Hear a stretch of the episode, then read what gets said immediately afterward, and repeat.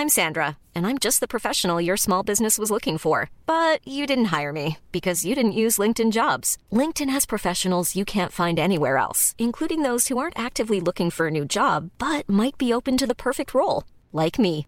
In a given month, over 70% of LinkedIn users don't visit other leading job sites. So if you're not looking on LinkedIn, you'll miss out on great candidates like Sandra. Start hiring professionals like a professional. Post your free job on linkedin.com/people today. Hi, I'm Daniel, founder of Pretty Litter. Cats and cat owners deserve better than any old-fashioned litter. That's why I teamed up with scientists and veterinarians to create Pretty Litter. Its innovative crystal formula has superior odor control and weighs up to 80% less than clay litter. Pretty Litter even monitors health by changing colors to help detect early signs of potential illness. It's the world's smartest kitty litter. Go to prettylitter.com and use code ACAST for 20% off your first order and a free cat toy. Terms and conditions apply. See site for details. Drytech jobbar för en stark teknisk utveckling. Vi tillgodoser den snabbt växande IT-marknaden med avancerade brandvägsfunktioner, trådlösa nätverk och IP-telefoni. Med fokus på säkerhet tillverkar Drytech routers för slott och koja, för bonde och patron. Givetvis med stöd för både PC och Mac. Uppdatera till Drytech du också. Macradion presenteras också i samarbete med macfeber.se.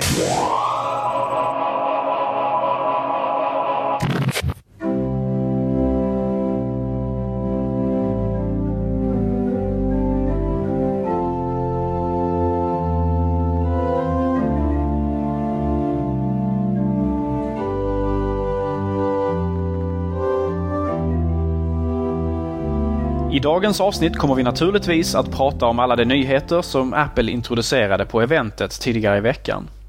Men först vill vi passa på att hålla en kort minnesstund för en gammal vän. Firewire. Tekniken med vars hjälp vi under många år har anslutit diverse tillbehör till våra älskade datorer eh, tilldelades under veckan ett svidande nederlag.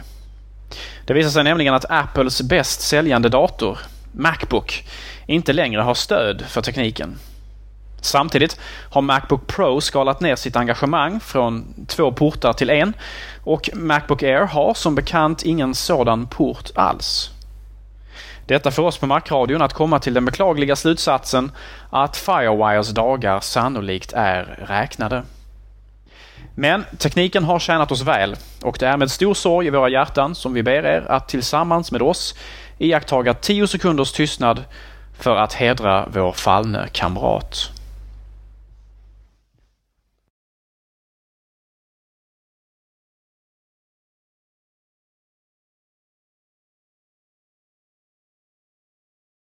Och med det avklarat så eh, är det väl lite fest nu med tanke på att det har kommit så många roliga nyheter. Men eh, vi vill såklart börja med att, kolla över Steve Jobs hälsa och eh, jag måste säga att han såg riktigt fräsch ut. Det måste varit bra för aktiekursen. Eh, vad tyckte du där? Jag tyckte, precis som du säger, Steve Jobs såg så ut att må bättre. Eh, och det är ju alltid väldigt eh, skönt för oss entusiaster att veta det. De gjorde en lite rolig grej på det också. De visade vad var hans blodtryck, nu kommer jag inte ihåg vad det var på. Och, och meddelade att det här är allt som kommer att kommuniceras med eh, Steve Jobs hälsa. Ja, det här var ju då inför den här eh, frågesessionen som man har efter eh, keynotet och som ju inte syns i videon. Eh, men det var ju alltså för att eh, skicka en signal till journalisterna att eh, vad som skulle diskuteras den dagen det var Apples produkter, det var alltså inte Steve Jobs. Nej, och det var väl väldigt klokt också. Eh, Å andra sidan är det väl ingen som hade vågat fråga honom om detta ändå kanske. Han har blivit utslängd från Cupertino och aldrig fått komma tillbaka igen. Men det absolut roligaste var ju såklart att det kom nya Macbookar. Hela linjen uppdaterades. Var på Macbook Pro och Macbook var de absolut eh, största. Eh, vi börjar väl på Macbook Pro. Gabriel, du har ju gått och suktat efter en ny modell i... Eh, ja, det börjar väl komma in på femte året nu känns det som. Eller hur länge du har tjatat. Vad tycker du om de nya Macbook Pro? Först låt mig säga så här. Det är väldigt skönt att de äntligen har släppt de här datorerna för vi har ju verkligen spenderat eh, ett oräkneligt antal avsnitt här i Macradion med att spekulera i vad som ska komma. Och eh, det är nästan så, så att jag själv tröttnat på att höra min röst prata om det här. Så att det är väldigt skönt för mig och säkert också för våra lyssnare att vi äntligen nu kan prata om en riktig produkt som är på väg. Ehm, den nya Macbook Pro är jag överlag mycket, mycket eh, entusiastisk inför. Jag tycker att eh, förändringarna där generellt sett var väldigt bra.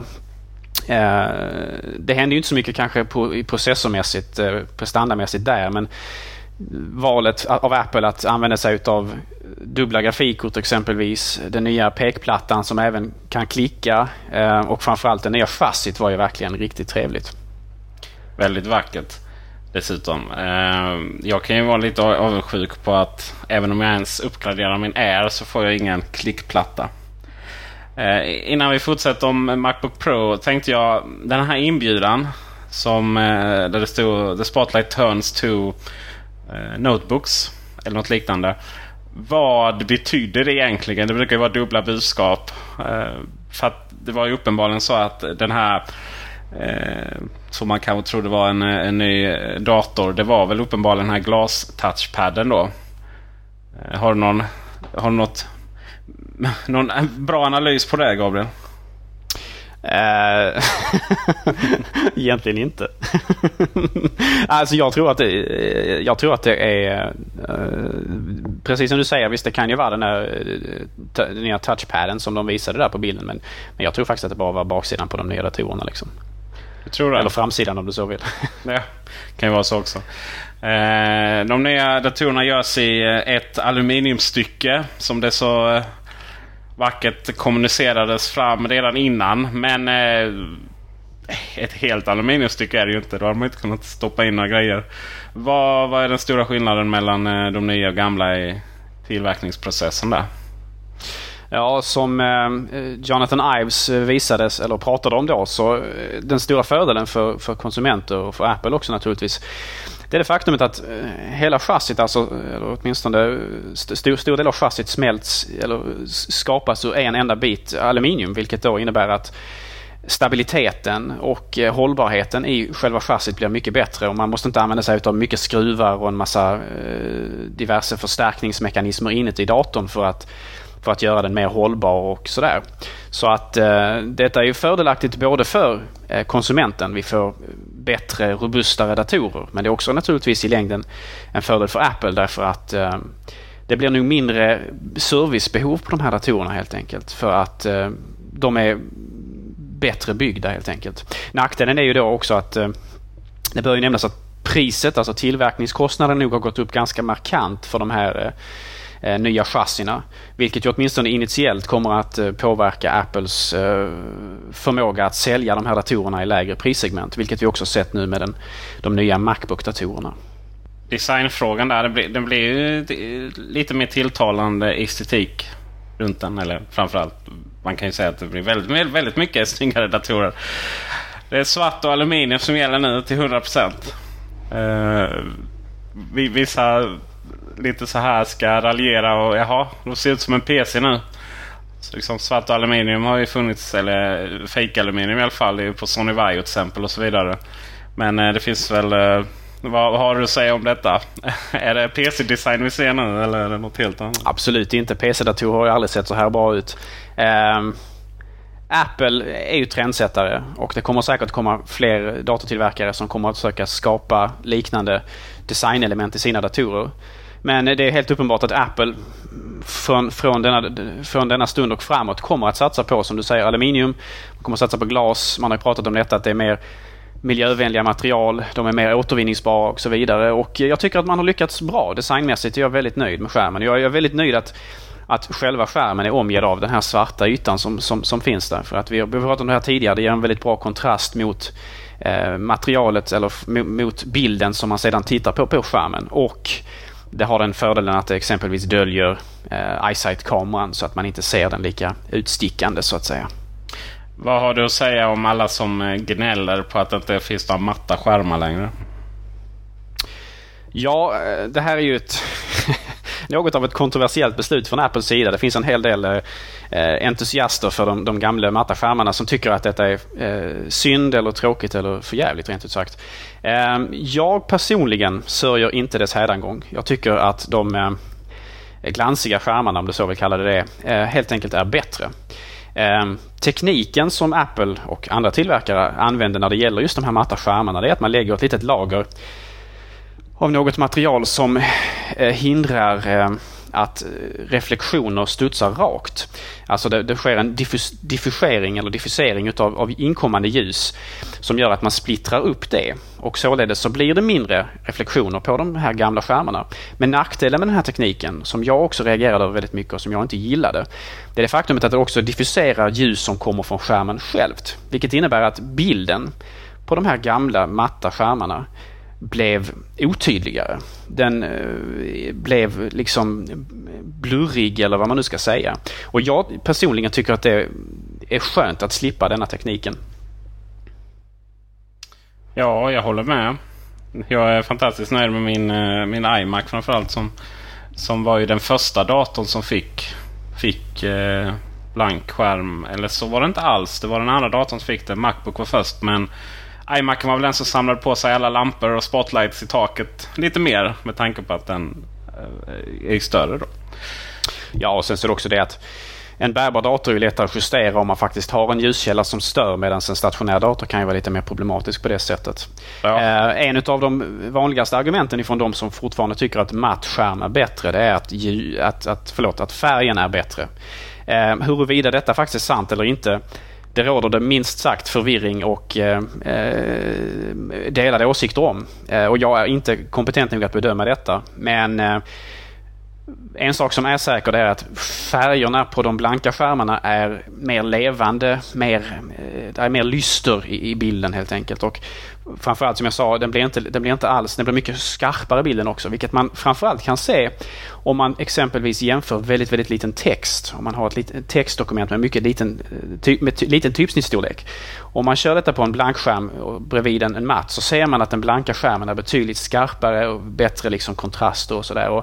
De blanka skärmarna är bättre för att titta på filmer, spel och vill jag påstå, för fotografi. Men som sagt, det finns de som anser att eh, de professionella fotograferna, professionella grafiska designers inte kanske vill ha blanka skärmar. Men, men som sagt, det finns många åsikter där och det finns absolut ingen sanning i det här egentligen. För att det brukar bara kastas som argument från en sida till den andra hela tiden. Det här. Ja.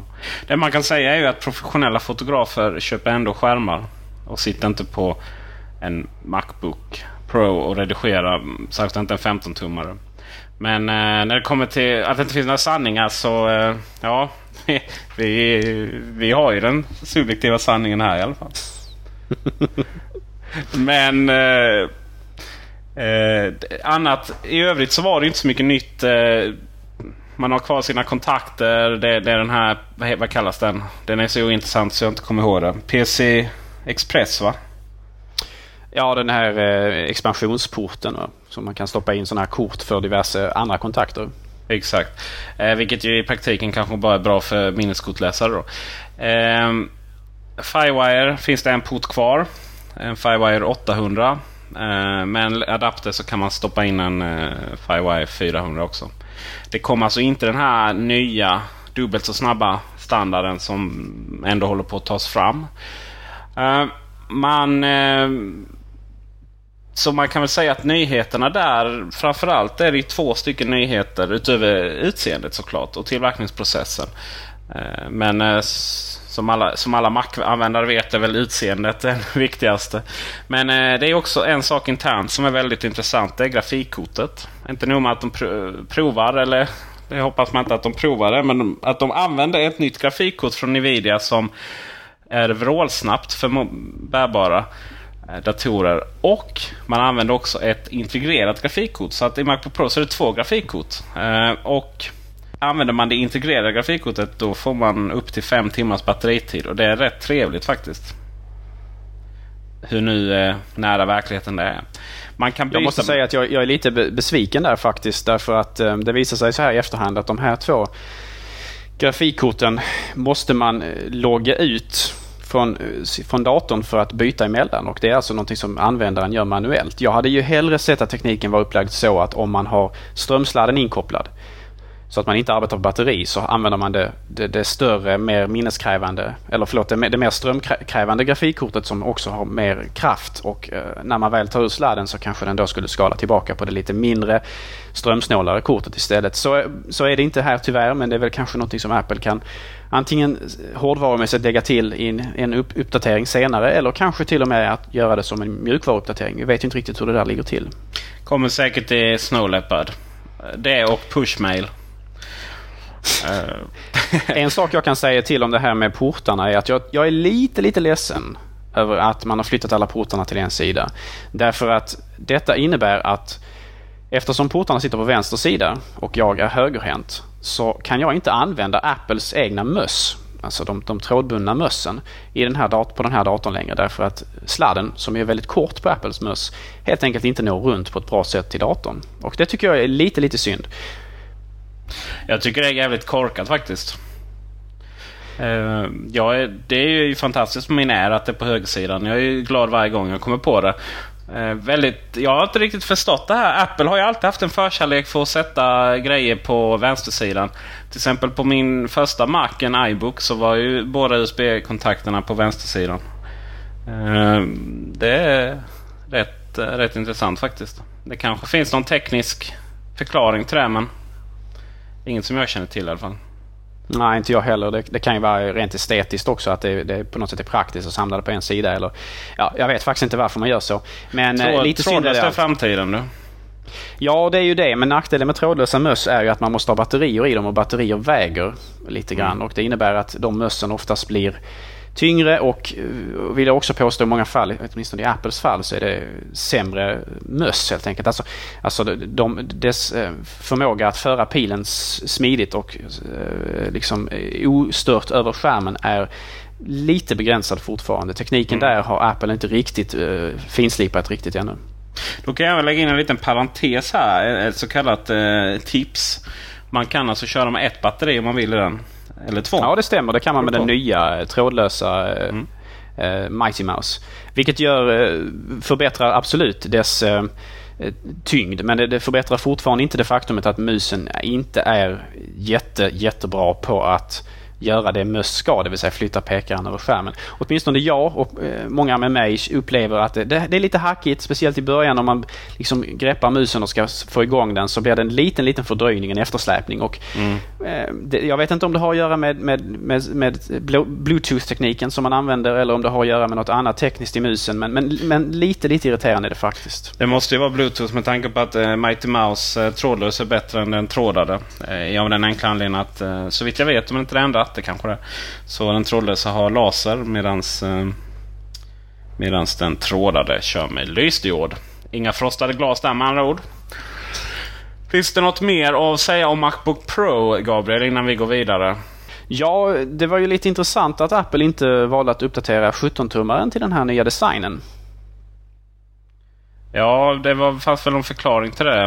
Uh, ja, officiell förklaring fanns det inte. Men eh, inofficiell eh, eh var det John Gruber som skrev det. Ja, i vilket fall, nej, det var 9 to Max som menade på att eh, det helt enkelt de hade haft problem med den och att den kom efter årsskiftet. Men eh, det är ju ingenting som eh, vi skulle varken bekräfta eller säga någonting för vi vill ju inte på något sätt eh, minska försäljningen av denna, denna braksuccé. Ja, det kommer det förmodligen att bli. Nej, precis som du säger så de spekulationer jag läst det, det, det handlar om att den här nya processen vad gäller att tillverka själva chassit, att den inte kanske riktigt skalat upp till 17 tums eh, storleken på datorn så att den kanske inte riktigt fungerar bra där ännu. Eh, och det är ju en, naturligtvis en av de här nackdelarna med den här nya tillverkningsprocessen, en av de väldigt få nackdelarna. En annan nackdel skulle kunna vara exempelvis att den har svårt att skala upp i storlek, kanske. Men den har nog definitivt svårt att skala ner i pris. Därför att som vi ser nu, Apple kan inte tillverka Macbook-datorerna så pass billigt som man kanske skulle vilja exempelvis. Det är därför man har faktiskt valt att behålla en plast-Macbook fortfarande som man säljer betydligt billigare än de här nya aluminiumdatorerna istället. Ja, det var ganska förvånande. Men om vi håller oss kvar till 17 tum. Jag känner att jag fick inte dissa klart den riktigt alltså. Eh, 17-tummaren känns som att den är en liten del av det förgångna faktiskt. Eh, på den tiden, eh, för så herrans massa år sedan. Eh, när eh, det var häftigt att, ha hög upplösning på skärmen. Inom PC-världen var det så hög upplösning så att den, eh, man inte kunde kolla på den utan att få migrän. Men eh, Eh, kanske gå hem ändå fortfarande. Vad jag vill komma till är att nu är det väl snarare eh, inne och gör väldigt små datorer. Så att eh, vi får väl se hur, hur länge den där kommer vara med oss, 17-tumman egentligen. Jag tror nog att Apple kommer att fortsätta med den. Jag har inte sett någon försäljningsstatistik på den så jag vet inte hur bra den säljer och sådär. Men det finns nog ett visst behov av eh, de här så kallade släpbara datorerna snarare än, än bärbara då som ju faktiskt 17-tummaren är. Eh, så att det tror jag nog att kommer att vara kvar. En annan sak som jag är lite, lite, lite besviken över vad gäller 15-tummaren. Det är det faktumet att man inte kan välja att uppgradera upplösningen på den som man, man kan på 17-tummaren till en, en lite högre upplösning. För det hade jag gärna gjort när jag väl beställer de här nya datorn som jag ska köpa. Ehm, det tycker jag att jag kan sakna lite grann. En sak till som jag kan tycka är lite intressant med de här nya datorerna. Det är ju då, som vi pratade om tidigare, att, att, att pekplattan också har blivit en musknapp. Och eh, en intressant sak att notera, det är att Steve Jobs nämner i det här special eventet att, att än så fortfarande så är det alltså en musknapp som gäller och man kan göra mjukvaruinställningar för att justera detta till två musknappar om man så vill det så att man kan använda högerklick också på den här eh, nya pekplatta slash musknapp. Det finns en anledning till detta. Apple har sedan Macens introduktion enbart använt sig utav möss som har en musknapp. De har fått mycket kritik från många, från många håll på grund av detta. Ehm, men det finns faktiskt en anledning till detta och det har inte så mycket med användarna som man kanske kan tro. Det är nämligen så här att tanken bakom enmusknappen det är att det är programtillverkarna som måste begränsas. Det är nämligen så här att på andra plattformen Windows så kan programvaruutvecklarna utgå ifrån att användaren har tillgång till minst två stycken musknappar, i de flesta fall eh, ännu fler. Och då kan de också frestas att gömma funktioner bakom ett högerklick i programmen istället för att lägga upp dem i menyerna, de här funktionerna också. Och tanken bakom eh, enknappsmusen på Apples datorer, det är just det att programvaruutvecklarna på Macintosh inte ska frestas att gömma funktioner bakom ett högerklick exempelvis, eller ett, ett trippelklick eller, eller att trycka på knapp nummer 5 av 10 på musen. Utan att man alltid måste, enbart kan utgå ifrån att datorn har en musknapp och att användaren bara har en musknapp att tillgå. Och således så måste man lägga alla funktioner i menyer. Man får alltså inte gömma dem bakom ett högerklick på en viss fil eller bakom ett högerklick på en viss knapp och så vidare. Och det är därför som Apple, trots att de skeppar datorer med möss som har förmågan och möjligheten att ha högerklick, som exempelvis Mighty Mouse, så har man ändå gjort standardinställningen så att det är enbart ett, en musknapp som är med från början. Därför att programvaruutvecklare inte ska frestas att utgå ifrån att användaren har tillgång till mer än en musknapp. Och detta är jätteviktigt. För enkelheten och lättanvändar... Eh, lätt, och detta är jätteviktigt för själva Macintosh eh, fundamentet, alltså själva eh, att datorn är lätt att använda, att, att menyerna är lättöverskådliga och att alla funktioner kan finnas i menyerna och att man inte behöver just utgå ifrån att man kanske måste leta efter funktioner på andra ställen än just där. Så en musknapp standard även de här nya datorerna, vilket gör mig väldigt glad. Därför att detta är jätte, jätteviktigt för att Macintosh-datorerna ska få bli Macintosh-datorer. Och då vill jag spinna vidare lite på detta och komma in helt osökt på iPhone faktiskt. Uh, iPhone är en fantastisk uh, mobiltelefon som vi har pratat om hundra gånger och, och, som kommer att slå världen med häpnad, eller redan har gjort det. Det finns ett sätt att uh, mata in information i den. Det är via sina fingrar.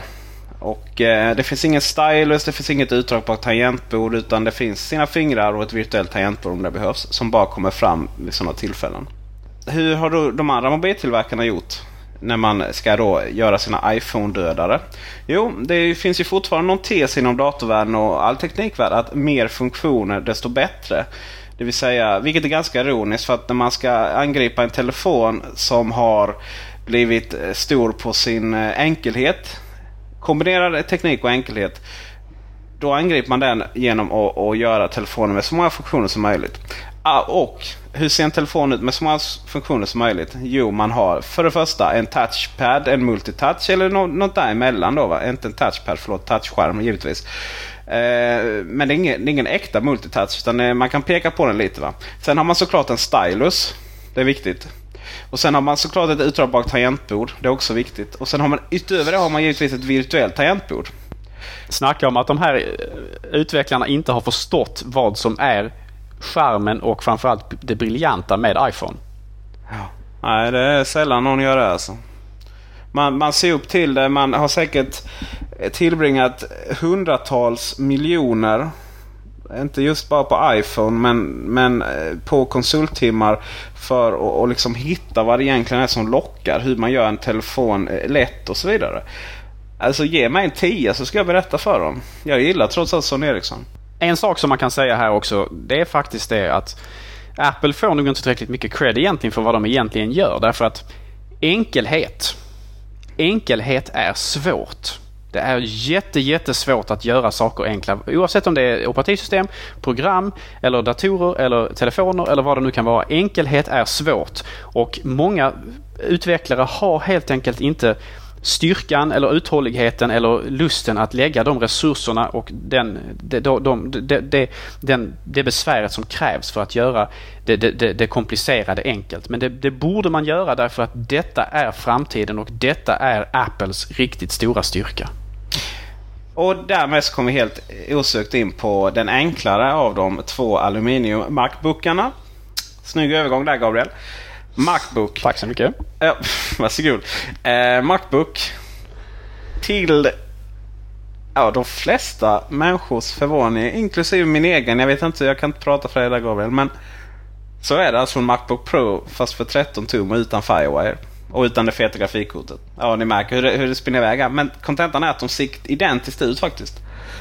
Eh, jag tror att återigen att det här kommer tillbaka till den här tillverkningsprocessen lite grann därför att Steve Jobs gjorde också en poäng av detta i, i keynoten. Där han sa att detta är nu en dator som har många av de funktionerna som människor tidigare var villiga att betala betydligt mycket mer pengar för att få. Alltså aluminiumchassit, eh, det, det, det bakbelysta tangentbordet, eh, det diskreta, eller det, det bättre grafikkortet och så vidare. Det här är funktioner som fick väldigt många att välja Macbook Pro framför Macbook helt enkelt därför att den, den var betydligt bättre på det området. Och Steve Jobs gjorde just en poäng av att säga att Macbook är inte så dyr som ni tror om man tänker på att priset för att få köpa en bärbar dator från Apple som har aluminiumchassi och som har ett, ett bra grafikkort och så vidare just just, just då i det här eventet blev betydligt lägre. Därför att det är faktiskt Macbook som gäller där nu. Man, kan, man behöver inte längre köpa Macbook Pro. Och det, eh, det har ju just att göra det här med just att tillverkningsprocessen gör att Macbook blev faktiskt lite dyrare. Alltså eh, om man bortser från plastmodellen som, som finns kvar så Macbook blev, Macbook blev lite dyrare i aluminiumutförande och Steve Jobs har väl kanske, skulle man kunna säga, eller Apple har ju flyttat Macbook aluminium lite grann upp i, i liksom hierarkin. Så att det är en, det är en lite, lite mer exklusiv dator, lite, lite bättre på många sätt just för att motivera det här högre priset. Pris är intressant. Rent generellt så handlar det om att göra riktigt bra datorer som, som kostar lite och är ett medvetet köp. Ändå så ville man eh, från analytikerhåll eh, att Apple skulle släppa sin eh, 7000 kronors dator eller 6000 kronors dator. Och eh, vad tror du där Gabriel? Är Macbooken kvar den i plast alltså just för att, att tillfredsställa den här nya amerikanska konsumenten som inte har så mycket pengar? Eller eh, handlar det om att man... Eh, ja, vad handlar det om egentligen? Ja, alltså visst. Uh, Apple för att få en, en dator, en bärbar dator i under 1000 dollars segmentet, nu ligger den vid 999 dollar vill jag minnas, eh, så var man tvungen till att ha en modell av plast kvar. Eh, men eh, Apple valde ju faktiskt att uppgradera den här plastmodellen eller instegsmodellen på Macbook ganska, ganska mycket ändå. Hiring for your small business? If you're not looking for professionals on LinkedIn, you're looking in the wrong place. That's like looking for your car keys in a fish tank. LinkedIn helps you hire professionals you can't find anywhere else, even those who aren't actively searching for a new job but might be open to the perfect role. In a given month, over 70% of LinkedIn users don't even visit other leading job sites. So start looking in the right place. With LinkedIn, you can hire professionals like a professional. Post your free job on linkedin.com/people slash people today.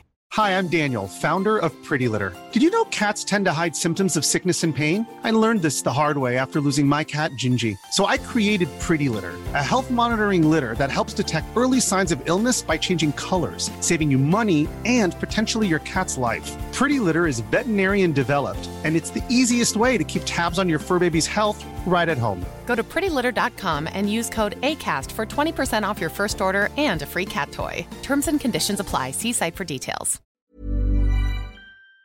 Den fick ju kanske inte direkt snabbare processor. Eh, Den fick ju lite, li, li, 2 GHz processor men å andra sidan så fick den ju en DVD-brännare standard vilket jag tycker är väldigt skönt att nu har ju alla Apples bärbara datorer DVD-brännare med från början. Ja, det var ju på Eh, tiden.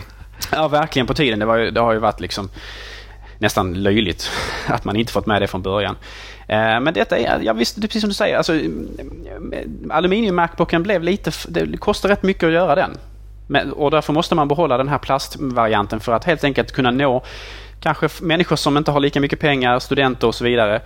Eh, Och designen på plast-Macbook är ju fortfarande bra. Alltså den, den, den ser ju inte liksom trist ut.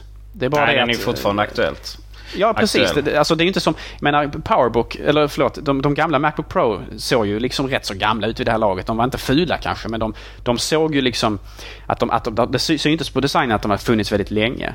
Klassiskt, men, men lite trist. Va? Men, men Macbook, eh, plastmodellen ser fortfarande bra ut. Och eh, Apple valde att behålla den för att eh, det finns människor som vill, inte vilja betala så mycket, eller som inte kan framförallt betala så mycket för en, en aluminiumdator. Så att, eh, då får de köpa den i plast istället. Ett, ett klokt beslut tror jag, därför att det är rätt så många människor som man faktiskt kan nå tack vare att den här kostar ett par hundra dollar mindre. Ja, men billigare än så lär det inte bli. På ett tag i alla fall. Det visar ju Apple rätt tydligt när, när hela marknaden skriker, eller marknaden förlåt, alla mm, um, förståsigpåare på marknaden skriker efter extremt billiga datorer så uh, överraskar Steve Jobs med att helt enkelt höja priserna istället. Och naturligtvis också höja kvaliteten och höja eh, liksom vad man får för pengarna. Så att det är inte bara att man höjt priset utan man har naturligtvis också stigit upp och givit konsumenten mer för de pengarna. Eh, Men det, det, det var någon som, som sa, eller som skrev, jag kommer inte ihåg vem det var, som sa att Apple tillverkar datorer som folk vill köpa. De tillverkar inte datorer som folk måste köpa. Det vill säga, Ja. eh, är man, har man lite pengar så kanske inte man har råd att köpa Apples eh, datorer men, men, men man vill det. Och det är liksom en del av deras poäng att man, att man gör, gör datorer som folk verkligen vill ha. Det är också datorer som håller längre, givetvis. Inte bara för att de eh, är bättre kvalitet och, och eh, att eh, eh MacOS 10 blir eh, mer optimerat. Mer eller mindre efter varje version och sådär. Till skillnad mot Windows Vista som krävde, kräver sin, sin PC. Eh, jag tror faktiskt att folk behåller sina mackar längre av ren kärlek och ren... Eh, att de, man vill helt enkelt inte... Ja, det är lite som, en- som en designpryl i övrigt. Man, man behåller den liksom just för att man eh, har lagt ner mycket pengar på den, gillar den, det är ens eget, det är sitt aktiva, aktiva val och så vidare. Va? Så, eh, jag tror verkligen att, eh, att det lönar sig längre. Med det inte sagt... Var folk- annars än i en Mac-podcast kan man höra någon benämna sin dator med ordet kärlek. ja, precis. Ja, men det är ju fler som, mer än jag som älskar mina mackar uppenbarligen. I USA, föregångslandet, i de här sammanhangen i alla fall, så är det i retail-segmentet, när man plockar bort eh, skolor, internet är det väl och eh, företag så är det det som blir kvar. Och eh, det har Apple 17, över 17 procent av nydatorförsäljningen vilket är ganska stort. va Och eh, det som är intressant när man har pratat pris och så här är att de 17 procenten står för en tredjedel i rena av vad man spenderar i datorer i datorväg i det landet. Så att eh, för varje 3 dollar som spenderas så går en av dem till Apple. Något som jag är säker på att Steve Jobs är ganska nöjd med. Kan man ju säga om eh, aktieägarna också. Eh, med andra ord, Apple tjänar pengar på att sälja sina maskiner. Det är inte många andra som kanske gör det egentligen i realiteten. Återigen, Apple säljer datorer som folk vill ha. Konkurrenterna säljer datorer som folk måste köpa.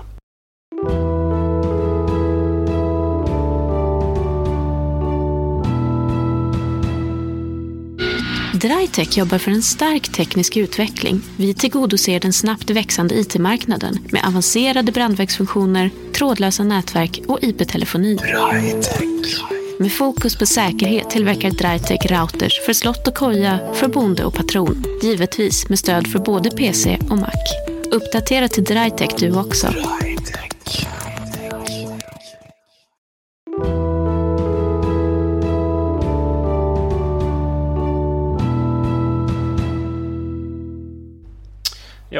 Och måste köpa och vill ha så är vi inne på Macbook Air helt plötsligt.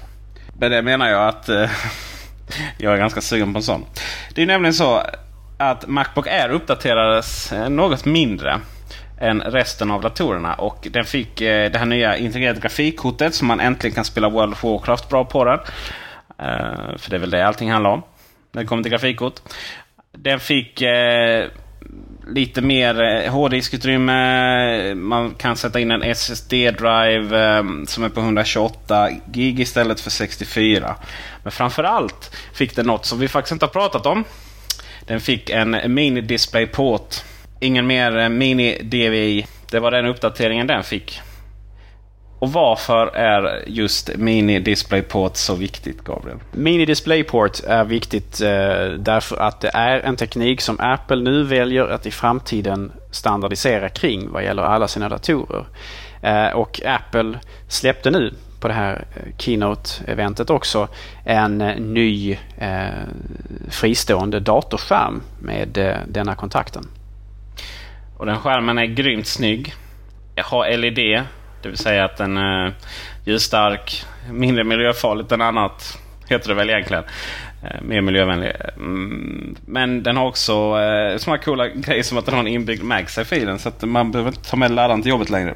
Men den skärmen är inte bakåtkompatibel för fem röda ören. Utan man måste ha en dator med just Mini DisplayPort. Och där ska vi också förklara att DisplayPort är en öppen standard som eh, håller på att anammas av flera. DVI och HDMI tillhör det förgångna, alternativt till tv-branschen. Men när det kommer till datorer så är DisplayPort framtiden. Mini DisplayPort är Apples egna påhitt. Men eh, där är väl kompatibiliteten ganska full. Det som däremot inte är kompatibelt är att man kan aldrig någonsin koppla in en skärm som har en DisplayPort i någonting som har en DVI. Det vill säga jag kan inte koppla in den nya fina skärmen till min Macbook Air. Uh, det, tvärtom är den är den kompatibel dock. Man kan ha en, eh, en, eh, en dator med DisplayPort och med en herrans massa adaptrar.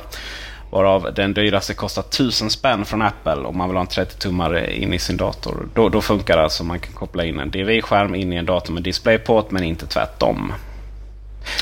En intressant sak, sak med den här nya skärmen. Det är någonting som, som man lätt förbiser. Det är faktiskt att detta är Apples svar på alla de som kräver att Apple ska släppa en dockningsstation till sina bärbara datorer. Mm. En hub. Denna skärmen är detta. Här har du möjlighet att ladda din bärbara dator. Du kopplar den till skärmen. Du har möjlighet att få USB ut in i, i skärmen som gör att du kan koppla tillbehör Eh, Eh, skrivare. Du kan koppla tangentbord och möss och så vidare rakt in i den här skärmen. Den har inbyggd iSight-kamera. Den har inbyggda högtalare. Detta är alltså Apples version eller tagning på konceptet av en dockningsstation. Och jag tycker att det är ett väldigt bra eh, svar.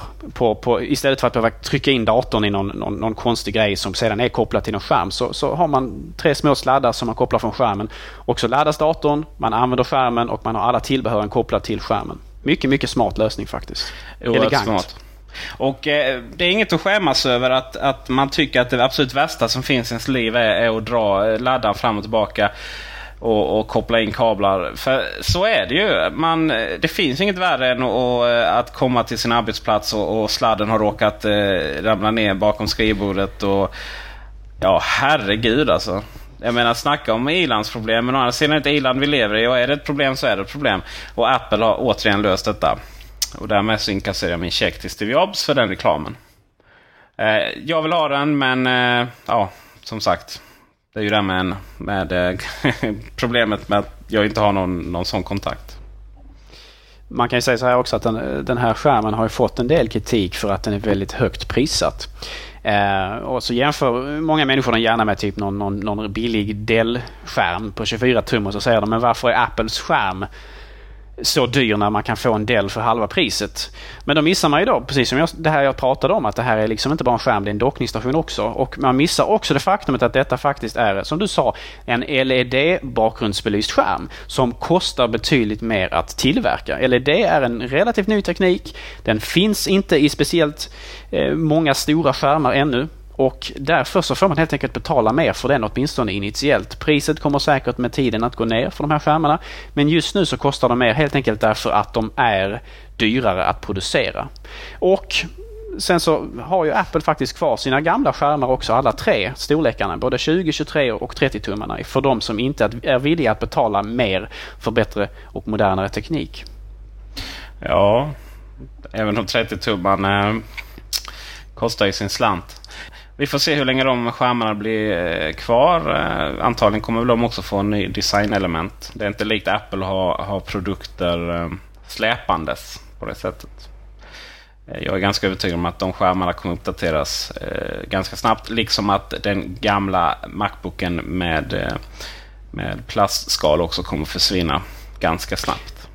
Alltså det kan man ju tro, men jag undrar det. Jag tyckte Steve Jobs sa någonting i stil med att den här kommer finnas kvar ett bra tag framöver. Eh, så att jag tror faktiskt att även fast jag kanske skulle vilja att du har rätt Peter och att priset på aluminium Macbooken går ner så pass mycket att den här inte behöver vara kvar så länge. Så skulle det inte förvåna mig alls om den faktiskt kommer att finnas kvar i säkert ett år, kanske mer där, där, därtill. Helt enkelt därför att eh, det är svårt att få ner de här, den här nya tekniken i pris. Åtminstone mm. fort. Jo, fast eh, iPod skulle aldrig få video. iPhone skulle aldrig komma. Eh, oh, jag hade någonting till i huvudet där som, eh, som eh, försvann. Men eh, nej, det är väl så. Den kommer att finnas inom en överskådlig framtid. Men jag är ganska säker på att den kommer att försvinna så snabbt som möjligt. Det är nog... Eh, den är nog... Men här kan man ju, det, det här du pratar om här, det kan man ju säga så här också att där inom citationstecken ljög ju, eller överdrev, Steve Jobs eller vad man nu ska säga. För att eh, människor inte skulle gå och vänta på teknik som skulle komma utan att de skulle köpa den befintliga tekniken som, som, som, som, som fanns här idag. Men i det här fallet så handlar det faktiskt inte om att göra det utan här handlar det om att man behåller något, något gammalt för att det helt enkelt tilltalar ett visst marknadssegment, ett visst prissegment som ingen annan av de andra datorerna helt enkelt gör. Och således så tror jag inte att det finns liksom inget ekonomiskt incentiv för Steve Jobs att överdriva eller ljuga om man så vill se det här och säga att den här kommer att finnas kvar ett tag, ett bra tag och så, och så tar man bort den nästan direkt. Utan jag tror att det finns alla anledningar att helt enkelt ta honom på orden här. Alltså. Alltså jag tror inte att det kommer ta bort direkt. Nej, det är inte så att jag tror att de har något lager kvar om gamla mackar direkt. Jag bara säger att man eh, ska nog inte... Man ska nog inte eh, tro att det här... Eh, man ska, jag kan säga så här, man ska nog inte vara besviken att Apple inte har fasat ut alla sina plastprodukter ännu. För jag tror det kommer ganska relativt snabbt. Men eftersom inte, vi pratar inte om några månader här. Men eh, när vi ändå är inne på eh, vad Steve Jobs inte sagt eller sagt. Så har vi ju det som, som är ganska nytt för Apple. Det vill säga att man faktiskt får ställa frågor till dem. Det var ju en liten session efter eventet och, och där ställdes ju en hel del intressanta frågor. Och eh, det är väl tre saker som jag skulle vilja ta upp. Dels är det Blu-ray. Det är eh, Tablet och det är en Subnotebook. Och vi börjar med, med eh, Blu-ray. Som är en eh, påse smärta, får vi översätta det så. vad, vad menade Steve Jobs med detta, Gabriel? Ja, Steve Jobs menade ju att eh, kostnaderna framförallt för konsumenten är eh, alldeles för stora fortfarande. Det handlar om att Apple måste skaffa sig licenser till tekniken här och sedan så ska man då installera Eh, de här eh, nya eh, läsenheterna i de här datorerna och så vidare. Och att jag antar att han menar att priset kommer att bli så pass högt så det är ännu inte relevant för Apple att börja installera det i sina datorer. Och ska Apple börja installera det i sina datorer så kommer det säkert att börja med Mac Pro-datorerna. Och senare kanske då att komma till de bärbara och kanske iMacen. Men jag måste säga det att jag på sitt sätt så tror jag, eller på, på något sätt ändå så tror jag att, att, att eh, Blu-ray är en teknik som inte har framtiden för sig. Visst, det var en bättre teknik än HD-DVD och så vidare, men jag tror båda två, oavsett om HD-DVD hade vunnit eller Blu-ray, de är egentligen dödsdömda tror jag. Därför att det är digitala nedladdningar som gäller och Apple vill ju absolut att folk laddar ner snarare än att man köper en massa eh, filmer på, på, på Blu-ray, DVD, DVD då så att säga. Um, så att um, det skulle inte förvåna mig alls. Det skulle inte förvåna mig alls om Apple aldrig släpper en dator med Blu-ray-brännare eh, eller Blu-ray-läsare. Jag säger inte att det kommer inte att ske, men det, det, det skulle inte förvåna mig om, om, om, så faktiskt sker. Nej, jag håller nog med dig. Jag tror att eh, eh Blu-ray kommer att eh, försvinna snabbare än vad någon kanske hoppas. eller är rädd för. Eh, Alltså fysisk media, fysisk lagringsmedia är ju så oerhört osexigt. Och eh, jag undrar hur många kolkraftverk vi tjänar på att eh, skippa transporten av sånt. Jag ser fram emot den dagen där det inte finns några optiska läsare i några datorer. Nej precis och eh, som, som jag sa tidigare Apple har ju all anledning att vilja få människor in i nedladdningstekniken istället. Alltså. Och eh, med anledning av det Peter så har du och jag faktiskt tittat på ett eh, litet nytt program. Ja, oh, den eh, övergången har jag inte ens planerat ju. Spotify. Just det. Jag är kär, jag är nyförälskad, jag har jag har inte haft igång iTunes på jag vet inte hur länge som helst. Spotify är ett svenskt initiativ. Kontor på Östermalm. Det var de som startade Tradeable. Fick säkert massa pengar för det och eh, startade Spotify. Spotify är en eh, musikklient.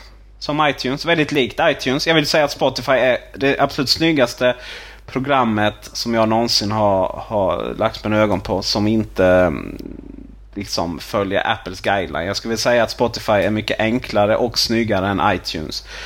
Spotify är alltså en, ett program där man har tillgång till musikbibliotek, hundratusentals låtar och album. Men de ligger inte på sin dator. Uh, och det är inte en prenumerationstjänst är det ju, men det är inte som något Last FM där man liksom skriver in en låt och så börjar musiken strömma och så får man inte välja. Utan det är precis, Spotify är precis som att man har ett iTunes, ett snyggare och enklare sådant, med tiotusentals olika låtar. Så du bara skriver in vad man vill ha. Jag har provlyssnat Ace of Base på sistone. Jag har lyssnat på Ace of Base sen högstadiet. Det skäms jag inte Tack och lov. Ja, Eh, det skäms jag inte för att jag inte har gjort. Jag skäms inte att jag börjat lyssna heller. För att med Spotify så... Man kan bara gå igenom all musik. Det är helt fantastiskt. Mm. Det fungerar eh, så att man antingen betalar man, man 99 kronor i månaden. Helt okej okay summa. Eller så, så betalar man ingenting och så får man lyssna på lite reklam mellan låtarna. Vill man gå med i Spotify redan nu så måste man ju eh, dock betala 99 kronor om man inte har en invite. Och invite får man antingen om man är en cool person inom den svenska webb 2.0-kulturen eller att man känner någon som faktiskt betalar för sig. Och nu ska jag säga att mina två invites har jag redan eh, lagt på en kollega och en styck flickvän. Så där eh, det hjälper inte att mejla mig. Men... Nu blev jag besviken Peter. Jag har, också provat, jag har också provat det här programmet och jag måste säga att jag är positivt överraskad också. Eh, det har ett relativt stort utbud musik faktiskt. Eh, även av lite mer eller lite mindre mainstream musik kan man faktiskt hitta en hel del låtar ifrån artister. Så att eh, jag är väldigt Eh, förtjust i det faktiskt, det måste jag säga. Och eh, det, det, är väldigt smidigt överhuvudtaget och precis som du säger, man, man, kan liksom utforska musik som man kanske inte tidigare känt till eller som man, som man kanske hade glömt bort och så vidare utan att det då kostar en jättemycket pengar eller att man måste söka efter de här musiken på massa märkliga hemska piratnätverk och sådär. Mm. Så det är väldigt bra. Ja, det finns ju vissa nackdelar naturligtvis och den, den största nackdelen som jag ser det, det är ju naturligtvis att du inte kan få musiken till din iPod det är ju liksom ett stort problem för den här tekniken. Det är ett du måste ha det på din dator. Nu, nu, nu är det väl antagligen så, eller man tar väl nästan för givet att Spotify kommer till iPhone, även om det är säkert en licensdjungel där också. Men iPod har ju inte så jättemycket datakontakt. Det finns ju inget ställe att sätta något simkort där. Eh, så jag saknar precis som det är, jag vill kunna köpa musiken också. Det vill säga med köpa menar jag att den laddas hem till min dator.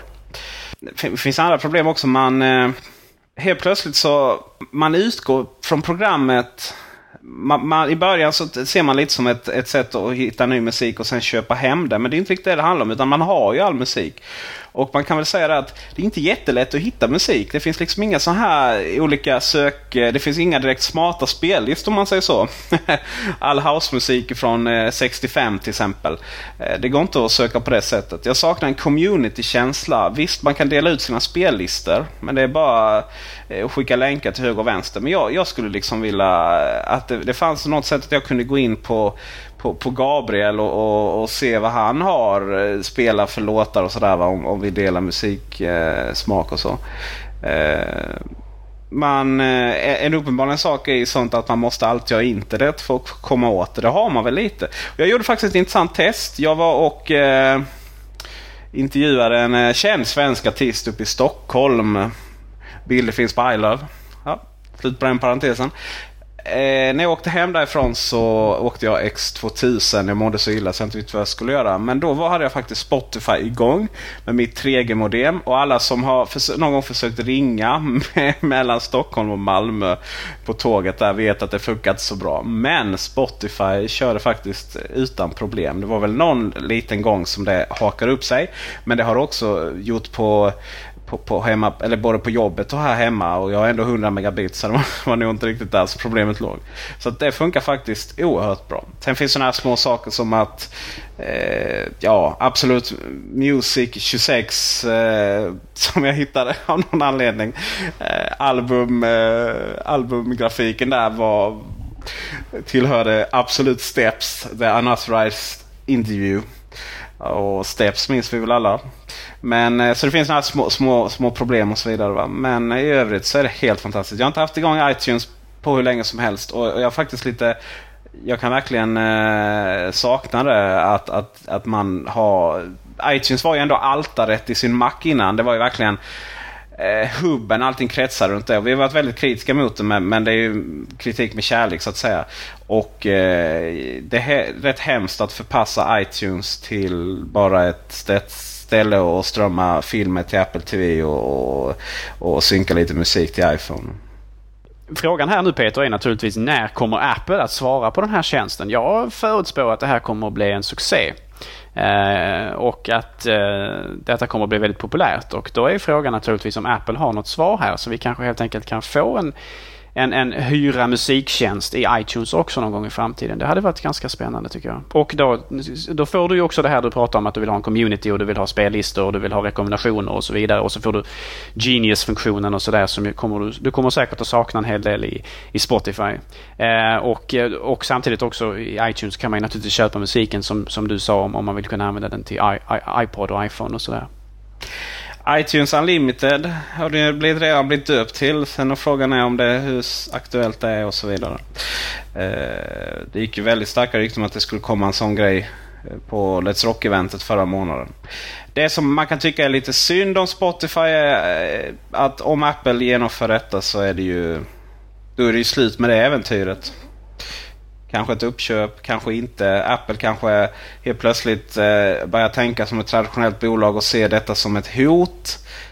Eh, att man vill inte liksom ha en prenumerationstjänst och så slutar folk köpa låtar på iTunes och helt plötsligt så eh, eh iTunes står omkört och förpassat till marginalerna. Alltså jag, jag, tror, jag, tror, jag tror så här att Apple behöver den här konkurrensen ifrån Spotify för att verkligen föra den här idén in i iTunes. Jag tror inte att Apple hade börjat hyra ut musik till människor om ingen annan först visar att den här marknaden finns och att behovet, eh, att behovet finns. Utan eh, jag hoppas att Spotify blir en succé och att Apple ser att det här, det här är, ett, eh, är, är ett marknadssegment som man inte bör missa. Och således så kan man på något sätt tvinga fram en respons från Apple den vägen. Mm. En annan negativ grej med Spotify är ju såklart att man eh att man inte kan eh, strömma musiken via AirPort och ut till Apple TV. Men där har jag fel och det visste jag. För jag skulle nämligen den här veckan kunna rekommendera Airfoil. Som är ett program som kan ta som kan strömma musiken eller vad nu som händer från vilket program som helst till AirPort Express till, eh, till Apple TV och eh, få och på så sätt så får man samma funktionalitet som iTunes även där. dessutom så kan det strömma till en annan dator eh, och dess datauttalare. Så Airfoil är min veckans rekommendation. Och därmed så eh, vill jag lämna över till dig Gabriel. För du hade också någonting. Tack så mycket. Ja, eh, när vi ändå pratar om eh, eh överföring av filer hit och dit och sådär så har jag ett litet program som jag vill rekommendera som heter eh, Little Snitch. Det är ett program som man installerar på sin Macintosh eh, som bevakar utgående och inkommande trafik från ens dator och eh, kontaktar användaren så fort någonting händer om ett program som man har installerat, försöker kommunicera med en server så, så säger Little Snitch till och frågar en om man ska tillåta detta eller inte. Eh, och precis samma sak om, om information kommer att, att, söka upp min dator så säger också Little Snitch till där och, och påpekar att nu är det någon här som, som kommunicerar med din dator, ska detta tillåtas eller inte?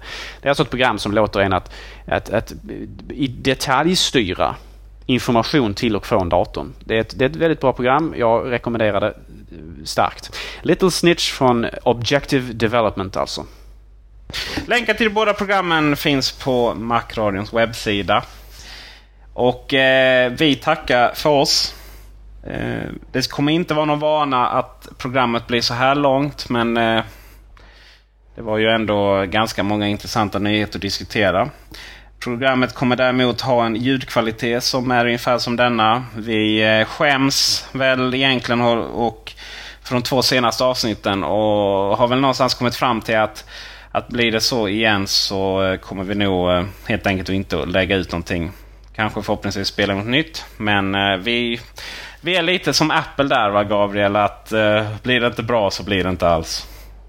Ja, det är väl en ganska så sund inställning. Vi ber som hemskt mycket om ursäkt för ljudkvaliteten. Det har varit eh, under, under vår värdighet att publicera det som framförallt då förra avsnittet och förra avsnittet igen kanske till viss del också. Men vi, vi arbetar på det och eh, förhoppningsvis så blir det betydligt bättre den här gången. Samtidigt vill vi också passa på att tacka er för att ni lyssnar även den här gången och eh, rekommendera att ni kan gå in på vår hemsida macradion.se och kommentera eh, veckans avsnitt eh, och de nyheter som vi publicerar där. Och eh, vi finns även även på iTunes. Där kan man också gå in och skriva vad man tycker om podcasten. Eh, samt att vi har en liten eh, grupp på Facebook. Där kan man, där kan man bli medlem eh, och eh, ja, visa sitt, sitt stöd för Macradion där helt enkelt. Och med det tackar vi för oss. På återseende i mitten av nästa vecka. Hej då!